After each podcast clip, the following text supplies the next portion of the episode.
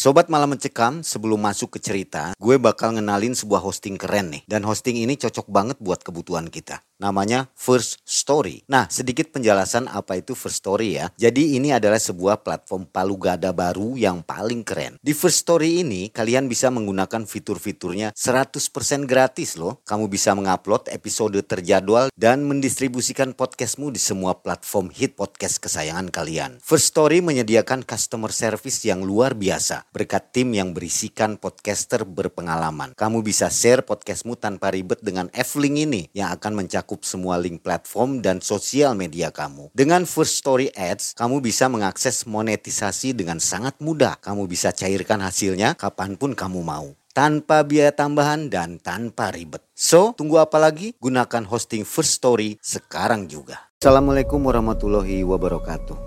Selamat malam sobat malam mencekam. Senang sekali saya Mang Ei dan tim hadir kembali menemani saat istirahat Anda di kesempatan malam hari ini. Dan sudah ada di depan saya namanya Mas Ucok. Mas Ucok akan berkisah tentang kehidupan pribadinya pengalaman kehidupan pribadinya pada tahun 2017 di mana Mas Ucok ini mengantarkan temannya untuk melakukan pesugihan pelihara tuyul. Mas Ucok dijanjikan bagian apabila temannya berhasil melakukan ritual tuyul ini. Dan sampai dengan hari ini temannya itu masih tetap memelihara tuyul. Baik, bagaimana kisahnya kita coba ke Mas Ucok. Apa kabar Mas Ucok? Alhamdulillah baik. Boleh tanya nih, usia berapa sekarang? Usia 35. 35 ya. Profesinya? Profesinya serabutan. Serabutan. Sudah berkeluarga? Sudah. Oke. Sobat MM, di mana pun Anda berada, semoga semua selalu dalam keadaan sehat walafiat dan selalu dalam lindungan Allah Subhanahu wa taala. Saatnya kita mendengarkan kisah yang menarik dari Mas Ucok. Silakan.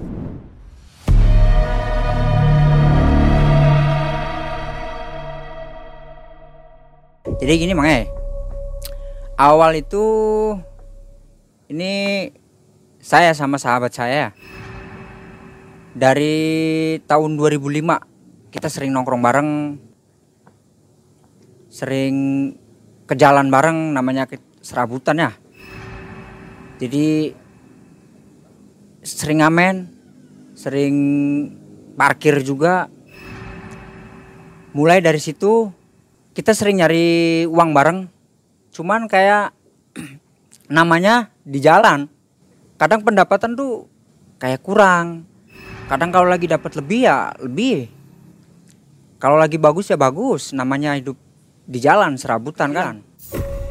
Nah, justru kekurangannya ini yang sering yang sering bikin timbul-timbul masalah karena kan satu kita udah punya keluarga udah punya tuntutan jadi dari kekurangan dari kekurangan kita merasa gimana caranya kita bisa dapat penghasilan yang bisa dikatakan lebih gitulah buat biaya ini.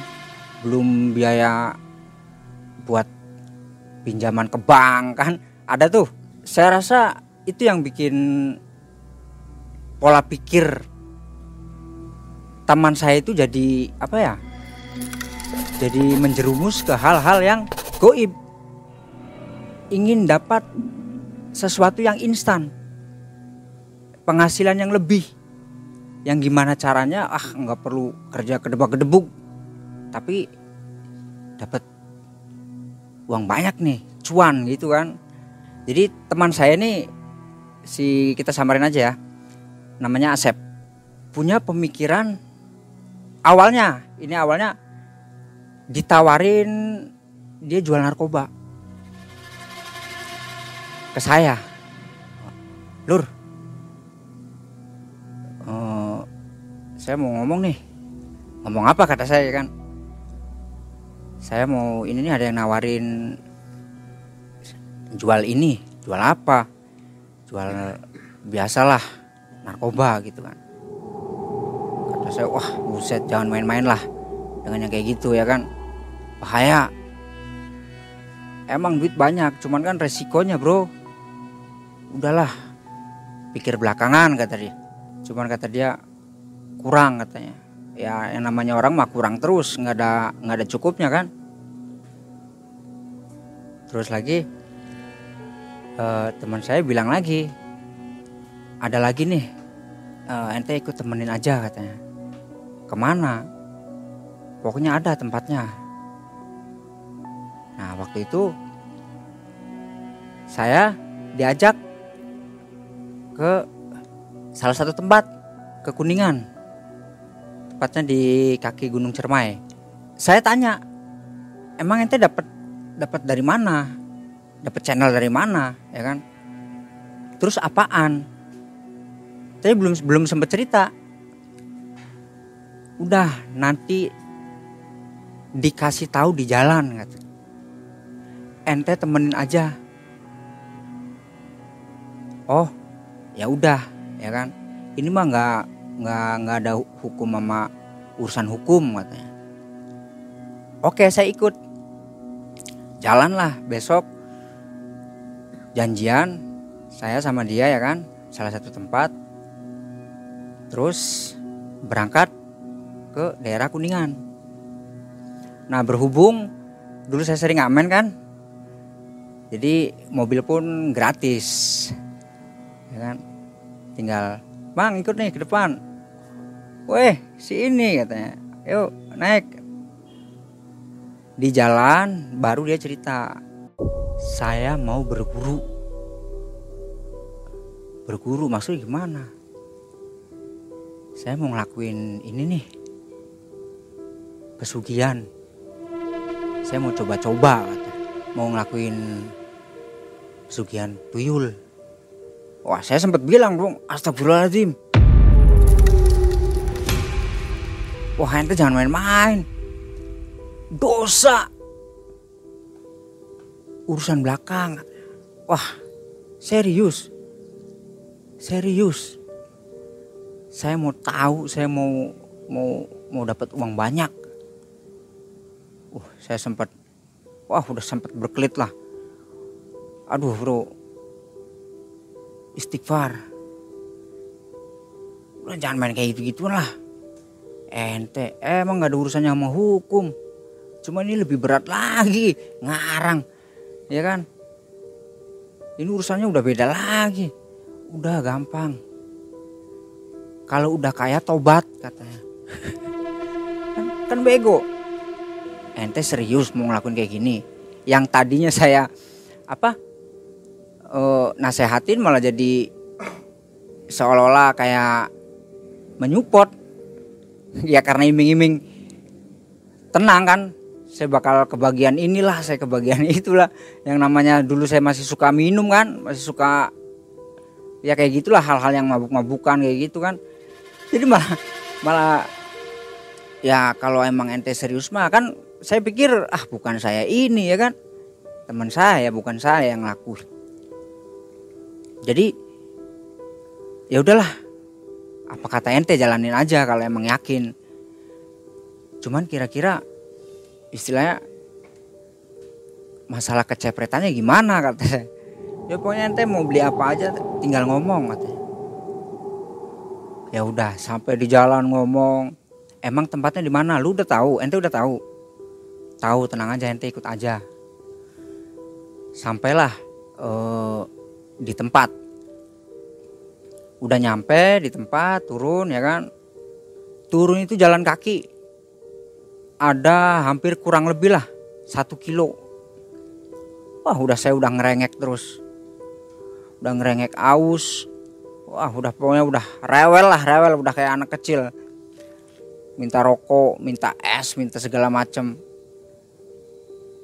Dan sampai di pertengahan jalan sempat istirahat. Karena capek kan. Sempat istirahat duduk di warung. Ngobrol-ngobrol sama tukang warung. Nanya-nanya kebetulan ada yang tahu nama si abahnya ini disamarin juga ya. Namanya abah gugun. Nah tahu katanya si abah ini. Udah itu langsung kita nyari apa? Nyari alamat yang udah dikasih tahu tuh. Terus jalan. Sesampainya di pertengahan jalan kita ketemu sama anak sungai. Cuman nggak terlalu dalam sih kita nyebrangin anak sungai yang tadinya kelihatan apa namanya? Kelihatan tenang airnya. Pas kita pengen nyebrang itu kayak deres. Nggak tahu ini petunjuk sebenarnya cuman kita hantam aja ya kan? Karena udah kepalang di tengah jalan kan masa mau balik lagi? Nggak mungkin kan? Udah jauh-jauh. Udah ngabisin buat beli es akhirnya gimana nih? Kok kayaknya kelihatannya airnya makin deras. Kita terjal terjang terus. Ya udah pokoknya cincing celana wis. Copot sepatu lewatin. Udah nggak takut halangan nggak takut apalah.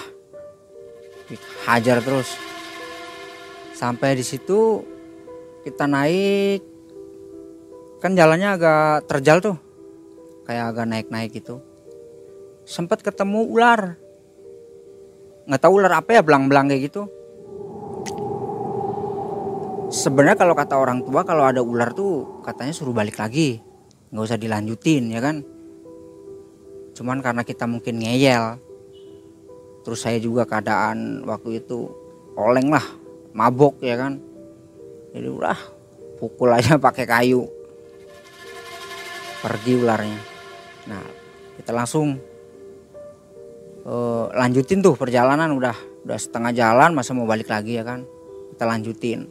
Itu jam berapa ya? Setengah satu habis duhur aja lah. Habis duhur. Ketemu sama si rumahnya si abah ini. Pas ketemu saya kaget. Rumahnya ini ih kok begini rumahnya? Udah kayak ada apa ya? Kayak bentuk-bentuk boneka. Ondel-ondel lah. Gede pokoknya. Wah banyak-banyak pernak-pernik kayak gitu segala macam. Wah tanduk-tanduk rusa kayak gitulah. Terus kulit-kulit harimau mungkin apa di situ. Wah ngeri juga nih rumah ya. Saya ketuk. Permisi. Akhirnya keluar si abahnya e, punten bah e, dengan abah ini ya dengan saya sendiri kata. E, ini bah saya ada keperluan katanya. Ya masuk aja masuk. Udah masuk kita dikasih kasih minum lah. Saya suruh ngomong langsung. Ngomong berdua saya cuma ngedengerin aja gitu. Awalnya mah ya cuman teman saya minta kayak semacam apa ya? Amalan gitulah. Amalan buat kayak semacam penglaris buat gampang cari kerjaan kayak gitu. Cuman ke sini ke sini kayaknya makin dalam obrolannya. Jadi dibawa masuk ke kamar kamar khusus. Dibawa masuk ke kamar khusus. Ya udah ikut abah aja katanya. Ke dalam ngobrol sama abah berdua empat mata. E, temennya buat sementara tunggu aja di sini katanya. Oh ya udah bah. Saya tunggu. Teman saya akhirnya dibawa ke ke kamar saya nungguin itu ada hampir dua jam. Keluar tuh dia bawa apa ya? Bawa kayak semacam kantong. Jadi kayak kantong kresek. Udah itu pamit segala macam udah kita pulang. Pulang tapi saya belum sempat nanyain. Belum sempat nanyain uh, maksudnya belum sempat nanyain yang hal-hal yang detail gitu kan. Udah pulang aja pulang. Lewatnya jalan yang tadi. Udah lewat pulang tengah jalan. Saya pikir ah nanti aja di mobil ya kan. Biar suasananya lebih tenang enak nanya. Di jalan kita naik mobil ke arah pulang. Udah itu baru di mobil cerita. Itu kantong isinya apaan kan nanya nih bentuknya kayak gini. Jadi dia tuh kayak dikasih apa ya? Dikasih kayak semacam patung. Ya kayak gitulah. Buat ritual-ritual pemanggilannya mungkin ya. Jadi setelah itu ya udah berjalan ngobrol-ngobrol di jalan segala macam. Akhirnya sampai di tempat kami. Saya cuman sempat lanjut kabar dari dari HP di telepon. Kan kalau kayak gitu kan harus netein ya. Yang namanya pesugihan itu harus netein. Netein si ke istrinya gitu kan. Istrinya nggak mau. Oh nggak mau katanya. Telepon ke saya. Cok gimana cok? Istri saya nggak mau nih gimana nih kalau misalkan ente yang bilang lah ke istri saya pokoknya iming-imingin aja dengan istilahnya nih nanti dapat uang banyak lah dapat inilah segala macam Wah, saya, saya bilang aduh nggak mungkin kalau saya ngomong ya kan? Gimana caranya kalau saya ngomong? Saya kasih saran gini aja ente nikah lagi aja. Udah jalan keluarnya gampang ya kan? Nikah lagi cari janda. Udah nggak usah cantik cantik yang penting mah tetenya gede kata saya. Iya buat netein ya kan? Kan butuhnya tete. Udah itu yang jadi permasalahan waktu pas itu kan belum belum dapat si apa namanya si ceweknya buat istrinya lagi ya kan? Kenalan kebetulan kan emang udah emang udah kenal dari apa namanya Facebook. Dulu kan di Facebook kan zaman zamannya Facebook udah kenal tuh di Facebook apa.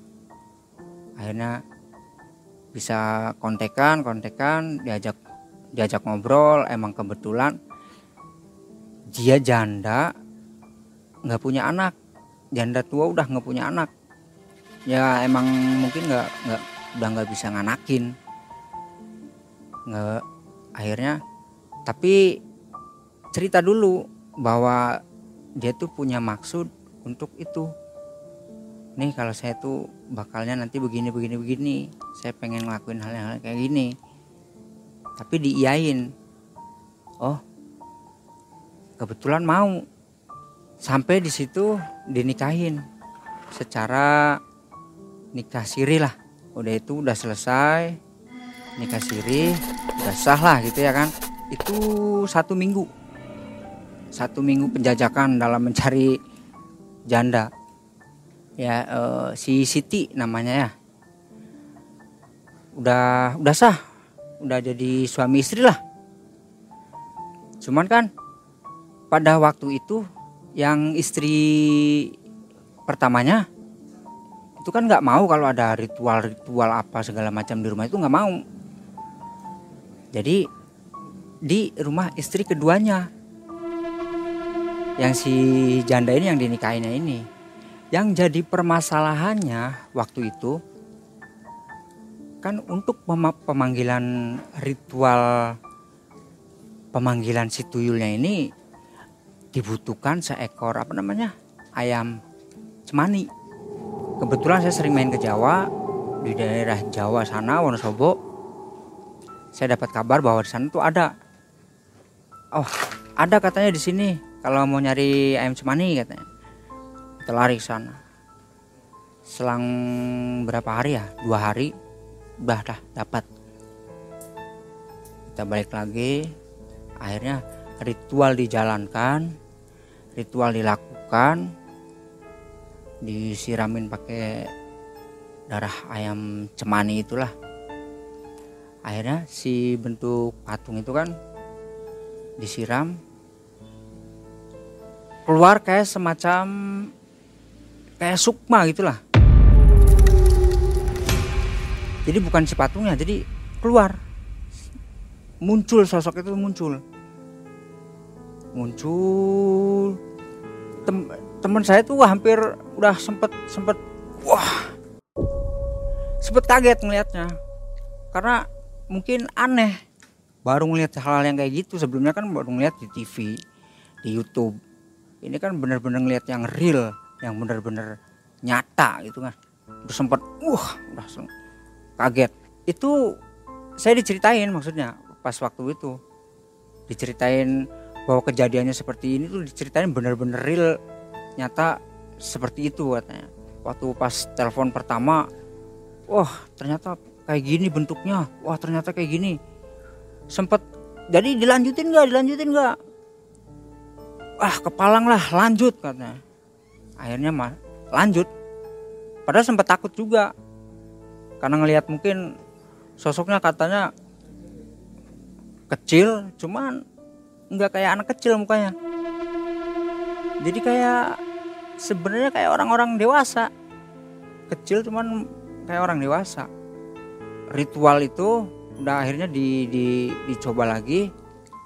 Untuk yang kedua berhasil. Berhasil memanggil maksudnya. Ternyata si tuyul tuh nggak ngerti uang. Jadi pas kalau mau ngambil gitu kan dikasih tahu dulu nih uangnya bentuknya ini mungkin yang ada gambar Soekarno nya ya kan? Yang bentuknya merah. Dikasih tahu dulu nih nanti ambil yang ini. Nih diambil yang ini. Ternyata betul katanya kalau yang diikat ke karet tuh nggak mau. Dia nggak bisa nggak bisa ngambil. Ternyata betul. Akhirnya dia dilakuin untuk percobaan nggak jauh-jauh di sekitarnya sendiri. Karena mungkin situ kan mayoritas petani. Jadi mungkin banyak uangnya. Cuman menurut saya terlalu berani. Karena di daerah sendiri ya. Dia nyobain malam pertama. Itu di tempatnya sendiri. Saya nggak sempat ikut waktu itu. Maksudnya di, diceritain dari teman sayanya. Ini saya habis garap ini saya habis garap ini. Selalu selalu dikasih tahu. Selalu dikasih tahu.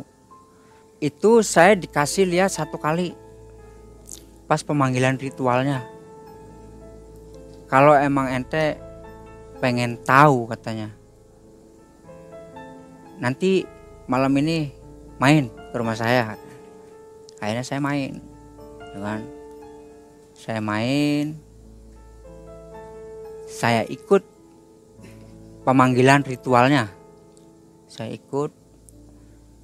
Pas waktu itu saya bener-bener yang namanya ngeliat wujudnya bener-bener yang wah kaget.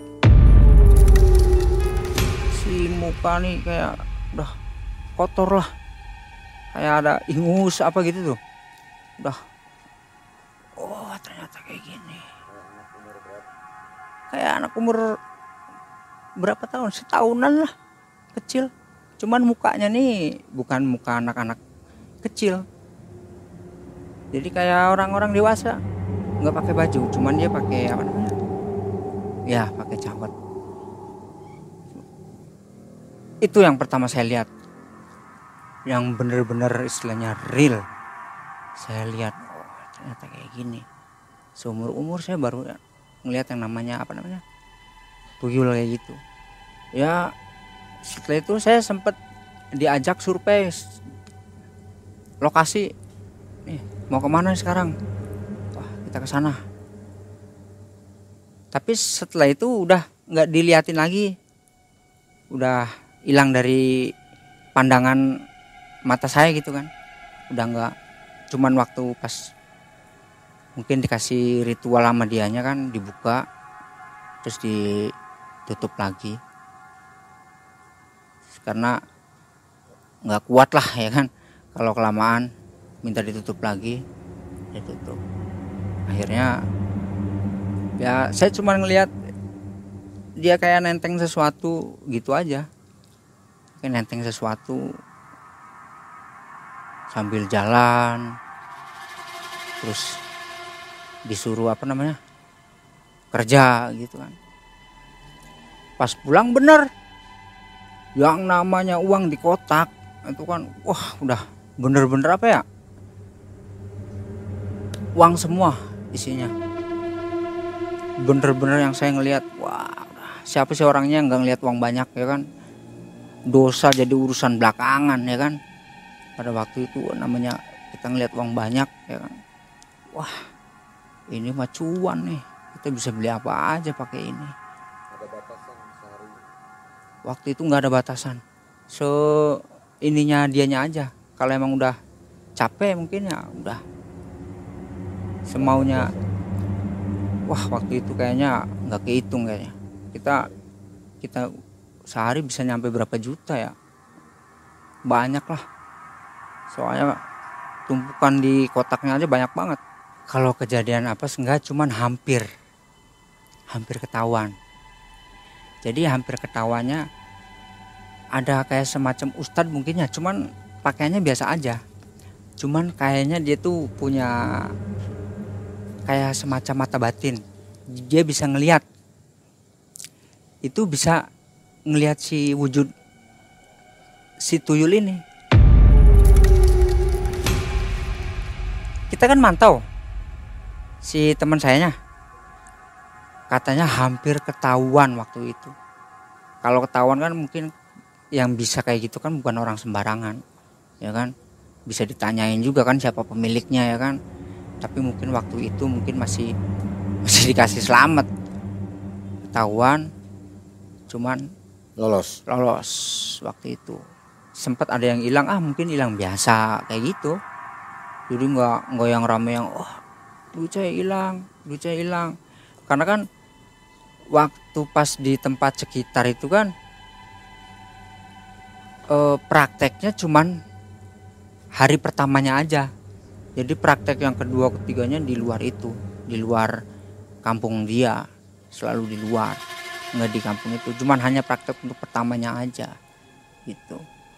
Jadi setiap operasi itu di daerah lain ya operasi selalu di, da- di, di daerah lain untuk yang ke dua kali tiga kalinya. Masih di wilayah Cirebon? Masih di wilayah Cirebon. Pindah-pindah? Pindah-pindah tempat. Jadi nggak nggak di tempat ini terus nggak. Jadi pindah-pindah. Nah waktu itu emang saya benar-benar kaget. Karena kehidupannya jadi bener-bener apa ya? Bener-bener naik keuangannya wah jadi segala macam dibeli. Cuman nggak nampakin kayak yang orang yang wah ini beli rumah wah ini beli ini. Enggak biasa-biasa aja cuman uangnya banyak. Kita mau beli apa? Bener kecepretan. Bener kebagian mau beli apa? Wah mau beli nih mau beli minuman. Wah kasih. Mau beli ini kasih. Oh mau beli apa? Kasih wah anda mau beli apa kasih selalu dikasih. Sampai tapi tetap masih ikut nimbrung itu. Kayak kita main ke jalan ngamen masih ikut ngamen tetap kita parkir masih ikut parkir jadi masih ikut tetap nimbrung. Jadi nggak kayak yang wah nih saya jadi uangnya banyak. Enggak biasa kayak seperti biasanya cuman yang bedain itu karena ya karena mungkin dari segi pakaian dia bisa mampu beli yang lebih mahal. Yang biasanya kita pakai yang sepatu sendal kayak gini enggak lebih mahal celana mahal kayak gitu. Outfitnya lah pakai jam tangan ya kan. Biasanya nanya ke tukang warung jamnya ini mah enggak langsung. Wah kata saya keren juga nih. Cuman ya itu jalannya salah. Kalau kata saya mah. Cuman saya ikut nikmatin. Ikut nikmatin hasilnya. Ikut kebagian uangnya ya kan? Karena pengen beli apa aja kalau main sama dia enak. Dikasih selalu dikasih. Istrinya juga pengen beli ini ya kasih. Buat beli emas ikut beli kalung. Anak-anaknya selalu ke, kecukupan. Pas udah berjalan berapa tahun kejadian lah istilahnya berapa berapa tahun ke belakang ini akhirnya teman saya ini ngalamin yang namanya sakit-sakitan. Katanya ya waktu cerita sama saya udah sempet sakit sempet kayak didatengin kayak semacam ya arwah-arwah apa gitulah. Ya mungkin nggak tahu apa. Dari mimpi juga sempet didateng-datengin sosok-sosok yang sampai katanya dia tuh selalu dimimpiin hal-hal buruk lah hal-hal gaib di mimpinya. Sampai 2022 sekarang.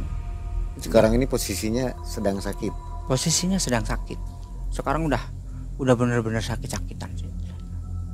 Jadi katanya di kalau menurut ilmu kedokteran juga bingung ini sakitnya sakit apa?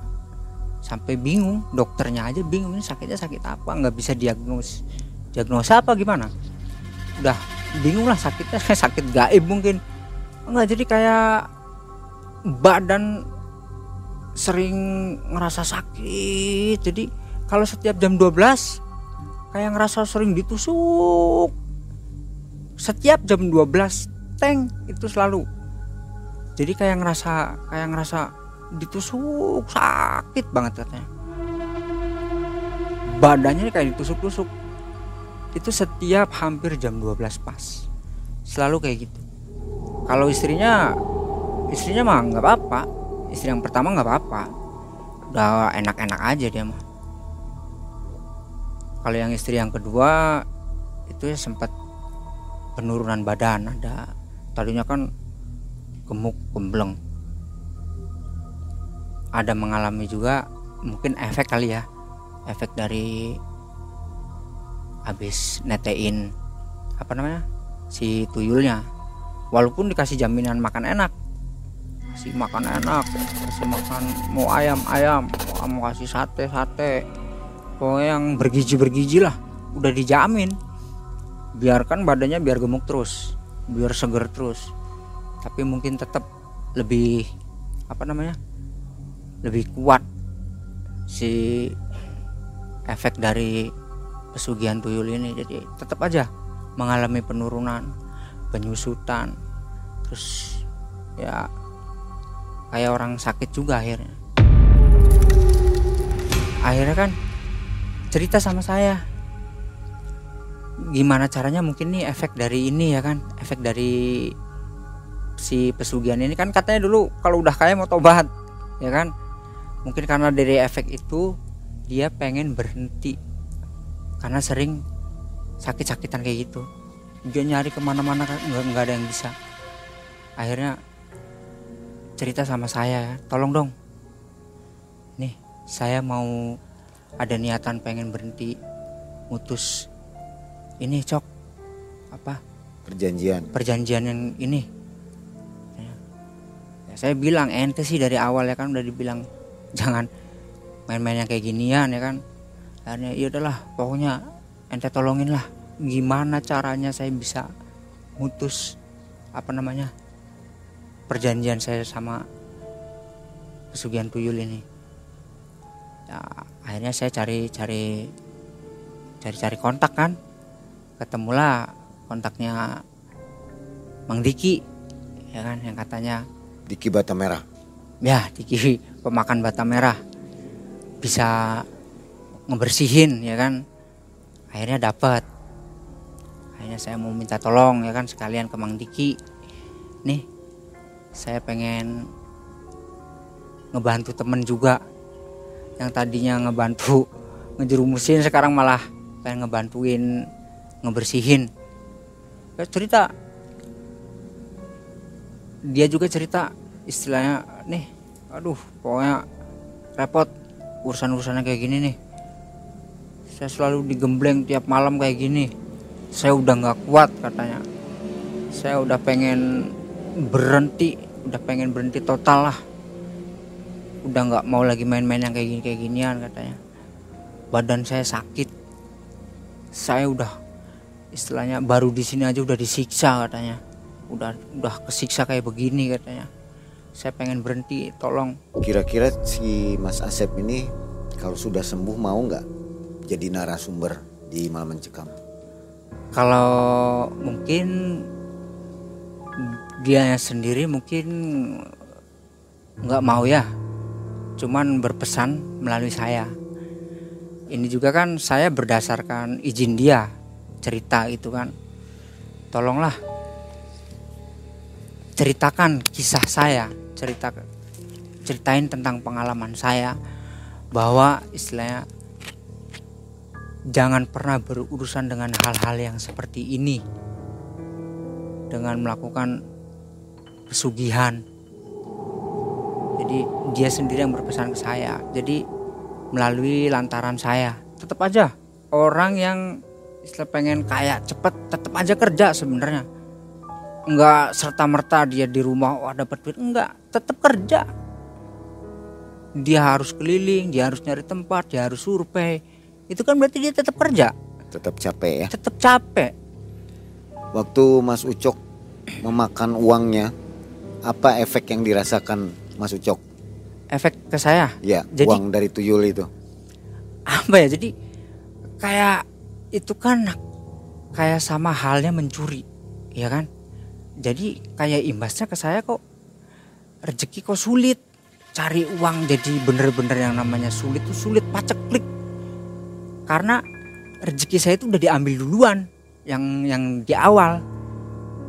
Jadi sama halnya saya juga kayak rezekinya dicuri lagi jadi ke saya efeknya kok sulit banget cari uang sulit Hanya dapat uang dari situ. Iya. Jadi Dari mencari kerjaan susah. susah. Cari uang bener-bener susah. Jadi saya berpikir apa ini efek dari itu ya? Itu kan sama aja mencuri. Jadi rezeki saya juga sama udah diambil duluan dari dari situ. Berapa lama Mas Ucok minta uang dari Itu dari awal. Dari awal saya udah udah sering dapat cepretan dari dia, dap- dapat uang dari dia, sering dikasih. sampai hari ini? Sampai hari ini ya semenjak dia sakit dari tahun 2020 itu Udah enggak? udah nggak udah nggak dikasih lagi Itu ada tumbal enggak? tumbal nggak ada sih jadi mungkin tumbalnya ya itu yang istrinya itu ya yang netein yang istri keduanya karena kan netein dia jadi badannya juga jadi kayak sakit jadi ada penurunan badan mungkin itu aja sih Kalau Jadi anak-anaknya Asep gimana?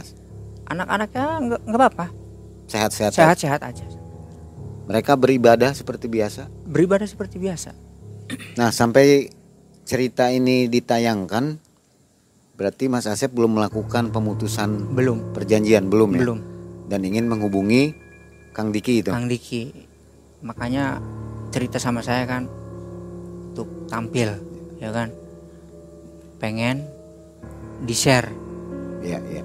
tentang pengalaman dia tentang baik buruknya dia tentang pahit manisnya ngejalanin pesugihan ini Sampai saat ini tuyul itu masih ada di Asep. tuyulnya masih ada sebelum dia dilepas tetap Nempel. nempel terus. Walaupun dia nggak istilahnya nggak disuruh kerja tetap minta jatah. Nete tetap itu harus istilahnya kewajibannya. Kewajiban dia minta nete tetap selama dia belum dilepas. Nah, sobat malam mencekam, kisah yang sangat menarik yang diungkapkan oleh Mas Ucok pada tahun 2017 sampai dengan hari ini. Jadi temannya masih melakukan pesugihan tuyul. Dan Mas Ucok ini sampai saat ini mendapatkan imbasnya ya. Yang susah mencari pekerjaan dan rezekinya terasa sulit sangat sulit. Sobat MM, jangan lupa untuk terus mendukung kami dan kisah dari Mas Ucok ini semoga menjadi manfaat untuk kita dan menjadi pembelajaran untuk kita bahwa melakukan pesugihan bukanlah hal yang baik dan bukanlah jalan keluar ya. Terima kasih Mas Ucok atas kisahnya.